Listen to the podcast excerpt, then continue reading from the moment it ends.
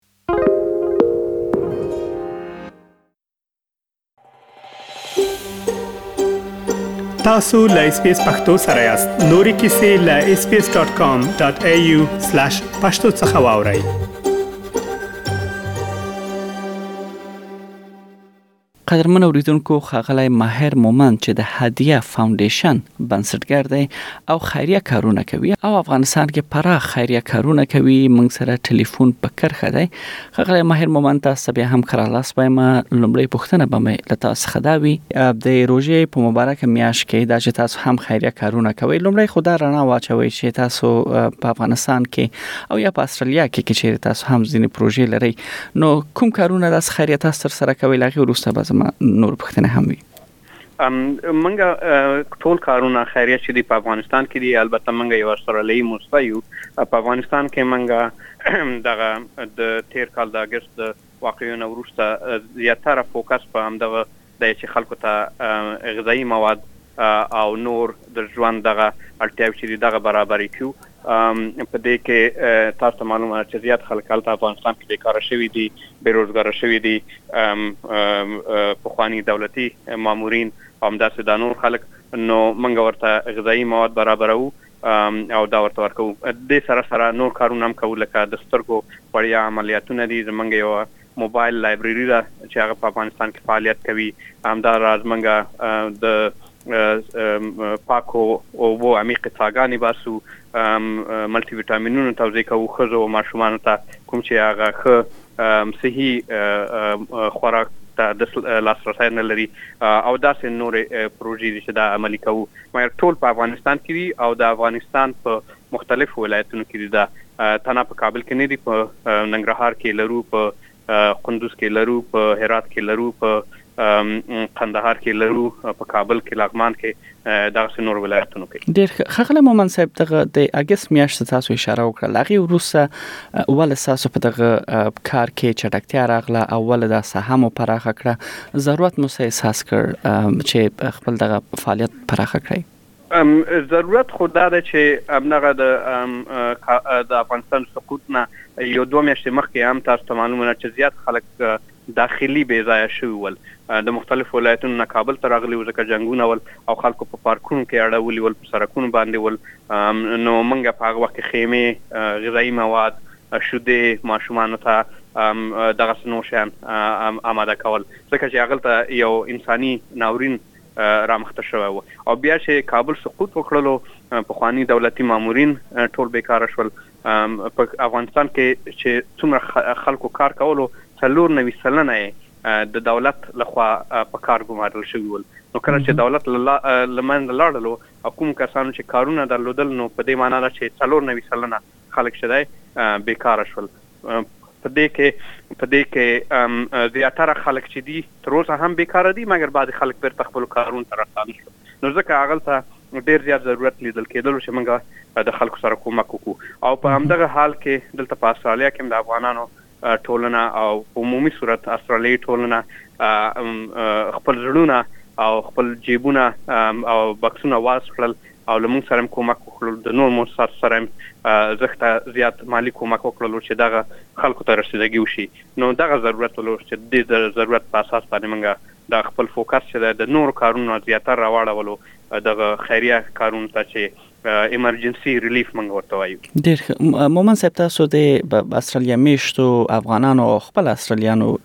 ذکر وکړ مرسته څومره تاسو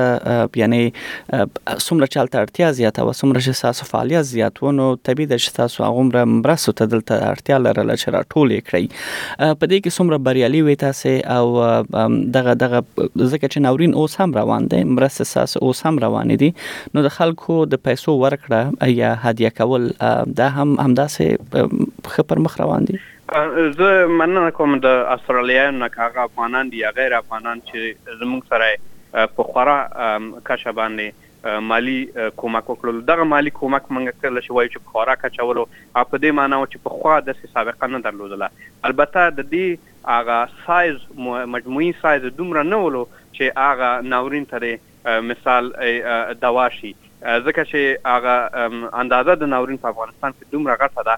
چې دغه کومک چې مثال که یو لک یو نیم لک ډالر په عمومي صورت باندې وشي دا چې دا ډېرې زیاتې کمې پیسې دي نسبت د هغه سایز د مشکل ته چې هلته موږ په افغانستان کې لرو نو دغه مشکل اوس هم روان دی په افغانستان کې او هغه افغانستان نه وروسته چې دغه د اوکراین مسله شوله د ټولو خلکو توجه اوکراین خواته شوله او بدبختانه افغانستان هیر کړلو نو ځکه په غټه سطحه باندې دغه کومکونه چې موږ ته رارسېدل، په هغې کې په غټه سطحه باندې ټیټوالی راغلی د دغه اوکراین د مسئلې نه وروسته. دا خو په واقعاً چې بد خبر دی، ولې که چېرې د روژې میاشت چې ده، اوس موږ او تاسې روژه ده او په دې کې ډېری خلک دوی خپل صدقې ورکوي، خیریاتونه ورکوي، په دې کې ایا تاسو هم خپل دغه فعالیتو لپاره د مرستو راټولولو ډېروالی ګورئ او یا څه اغېز یې نه ده کړې؟ ام بدبختانه ډیر غټ اغیز نده کړی البته بیرته په دغه روژی کی لږ ښه شوی دی مګر څومره چه زمونږ توقع ولا چه افغانان به هلته په افغانستان کی خپلو افغانان سره کومک وکی هغه مونږ خپله نده لیدلی کیدای شی دا یی چه مثال افغانان خپله په مستقیم توګه باندې هلته کوم خلک چې پیژني هغوی ته کمک کوي یا د نوو موسسو له طریقه کوي هغې نه زه نه یم خبر مګر زموږ د موسسې له طریقه دغه کومکونه چې کوم راځي د روژې په میاشت کې البته د یو څو هفتو د مخې نه چې کوم حالت و هغې نه ښه شوي دي مګر ډیر زیات کم دي او البته دا احساس پکې نه کیږي چې دا مثال د روژې میاشتې هغه کوم خلک چې مثال خیرات کوي او زکات کوي هغه شی پکې اصلا نه لیدل کیږي صحیح خغره مومن صاحب دغه بل د تاسو د ناورین ذکر وکړ په د افغانستان د حکومت سقوط نو وروسته ک په مجموعي توګه تاسو دغه ووایي چې څومره کورنۍ یا انفرادي کسانو ته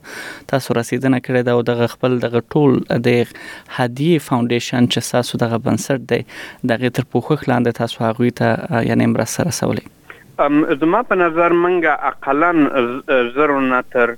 پنځلس سوه فامیلونو ته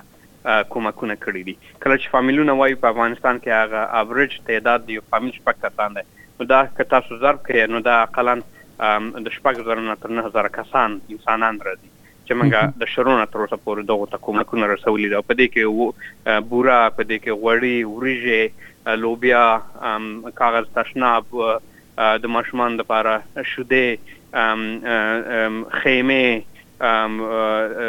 بعضې حالتونو کې اشتوبونه او دیګیان، کله چې خلک هغه داخلي بې ځایه شوي ول، نو دغه ټول شیان په دې کې شامل دي چې موږ له خلکو سره کومک کړی. صحیح مومن صاحب یو یو بل پوښتنه هم چې کې دې شې ډیره زیاته مهمه وي هغه دا چې دغه برسه تاسو ورسولې او دغه خوراکي توکي تاسو ورکوي دغه خوراکي توکي چې دغه کورنۍ مصرفوي هغه خلاصيږي طبي آیا بیا هم دغه خوراکي توکي په دوامدار شکل دوی ته ورکول کیږي او که دغه ترڅنګ داس هم پروژې لاس لاندې لري چې دوامدار د یو کورنۍ او یا د انفرادي کسانو په بخو درېدو لپاره تاسو کار وکړي مخکې د افغانستان د سقوط نه موږ دغه برنامه درلودله چې مثال خلکو ته به مو قرض حسنه ورکړو چې په هغې کې به هېڅ زیاتوالی نه راتلل مثال موږ به یو چا ته دېرش زره یا څلوېښت زره یا پنځوس زره افغانۍ ورکړې او فقط هماغه څلوېښت زره افغانۍ به مو بیا په څو کلونو کې بېرته ترنه اخیستلې نو هغه برنامې مو درلودلې هغه هم د همدې د خاطر وه چې خلک په خپلو پښو ودرېږي او کاروبار شروع کړي او دغه هغه ته احتیاج نه وي خیرات او دغه زکات ته احتیاج نه وي چې په خپلو پښو ودرېږي مګر بدبختانه د افغانستان د سقوط نه وروسته دغه شی موږ تر اوسه پورې نه دی کړی ځکه چې زموږ فوکس دومره زیات دی په دغه ایمرجنسي ریلیف باندې چې دا د خلکو د ابتدایي ضرورتونه دي کنه چې دا خواړه دي او چې هغه ته موږ تر اوسه پورې رسیدګي نه ده کړې بل خبره دا وکم علي خیل صاحب چې دغه خیریه کارونو کې دوه حالت دي یو دا ده چې ایمرجنسي ریلیف دا چې دا کرایسس کې کیږي چې اوس کرایسس کې دی او کله چې د کرایسس نه خلک ووزي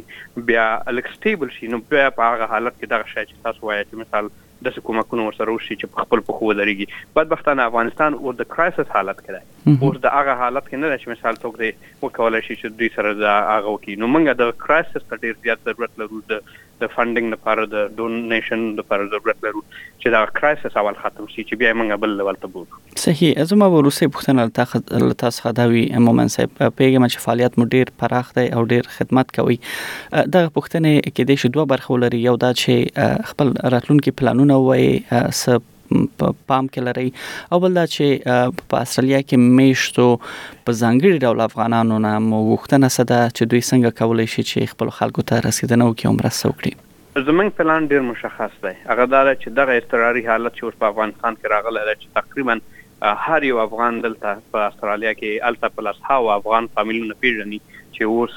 هغه ابتدايي غذايي مواد ته ضرورت لري چې دغه بخش کې لا زیات کار وکړو. خواهش او درخواست مو افغانانو ته دا دی دلته په استرالیا کې چې کوم یو دي مخصوصاً په سېډني کې چې خپل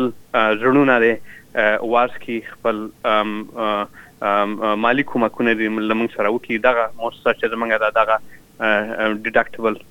سټیټس هم لري د ټاکس نو دا کوم یو کومکونه چې دی مالی لمون سره کوي هغه بیا بیرته په ټاکس کې هم راګرځوي شي نو نو خپل افغانان سره د کومک وکي که زمونږ له طریقې نه کې د بل چا له طریقې دی وکي خو چې دغه ټاکس ډیډکټیبیلیټي ولري او که هغه سم نه کوي خپل دی په مستقیم توګه باندې زیات او زیات افغانان سره کومک وکړي زه مطمئن یم چې هر یو فامیل په استرالیا کې هلته یو چا سره کومک کوي خو زما خوار بیا تنه دا وي چې دا حکومتونه دې لږ زیات کړي مخصوصاً په دغې روژې میاشت کې چې دا د برکت خبره هم ده، اسلامي خبره هم ده او زمونږ هغه وطنولي وجیبه هم ده. ډېره زیاته مننه، په دې هیله چې تاسو هم خپل چارو کې بریالي اوسئ او ډېره ښه غوښتنه مو وکړه او په دې هیله چې ټول لاس سره یو کړي او بې وزلو ته ورسیږي. نو خوشحاله اوسئ مومند صاحب او تاسو ښه ورځ غواړم. مننه ډیر زیات علي خیل صاحب که غواړئ دغه سنوري کیسې هم او رینو د خپل پودکاسټ ګوګل پودکاسټ یا هم د خپل خاكي پر پودکاسټ یو اورئ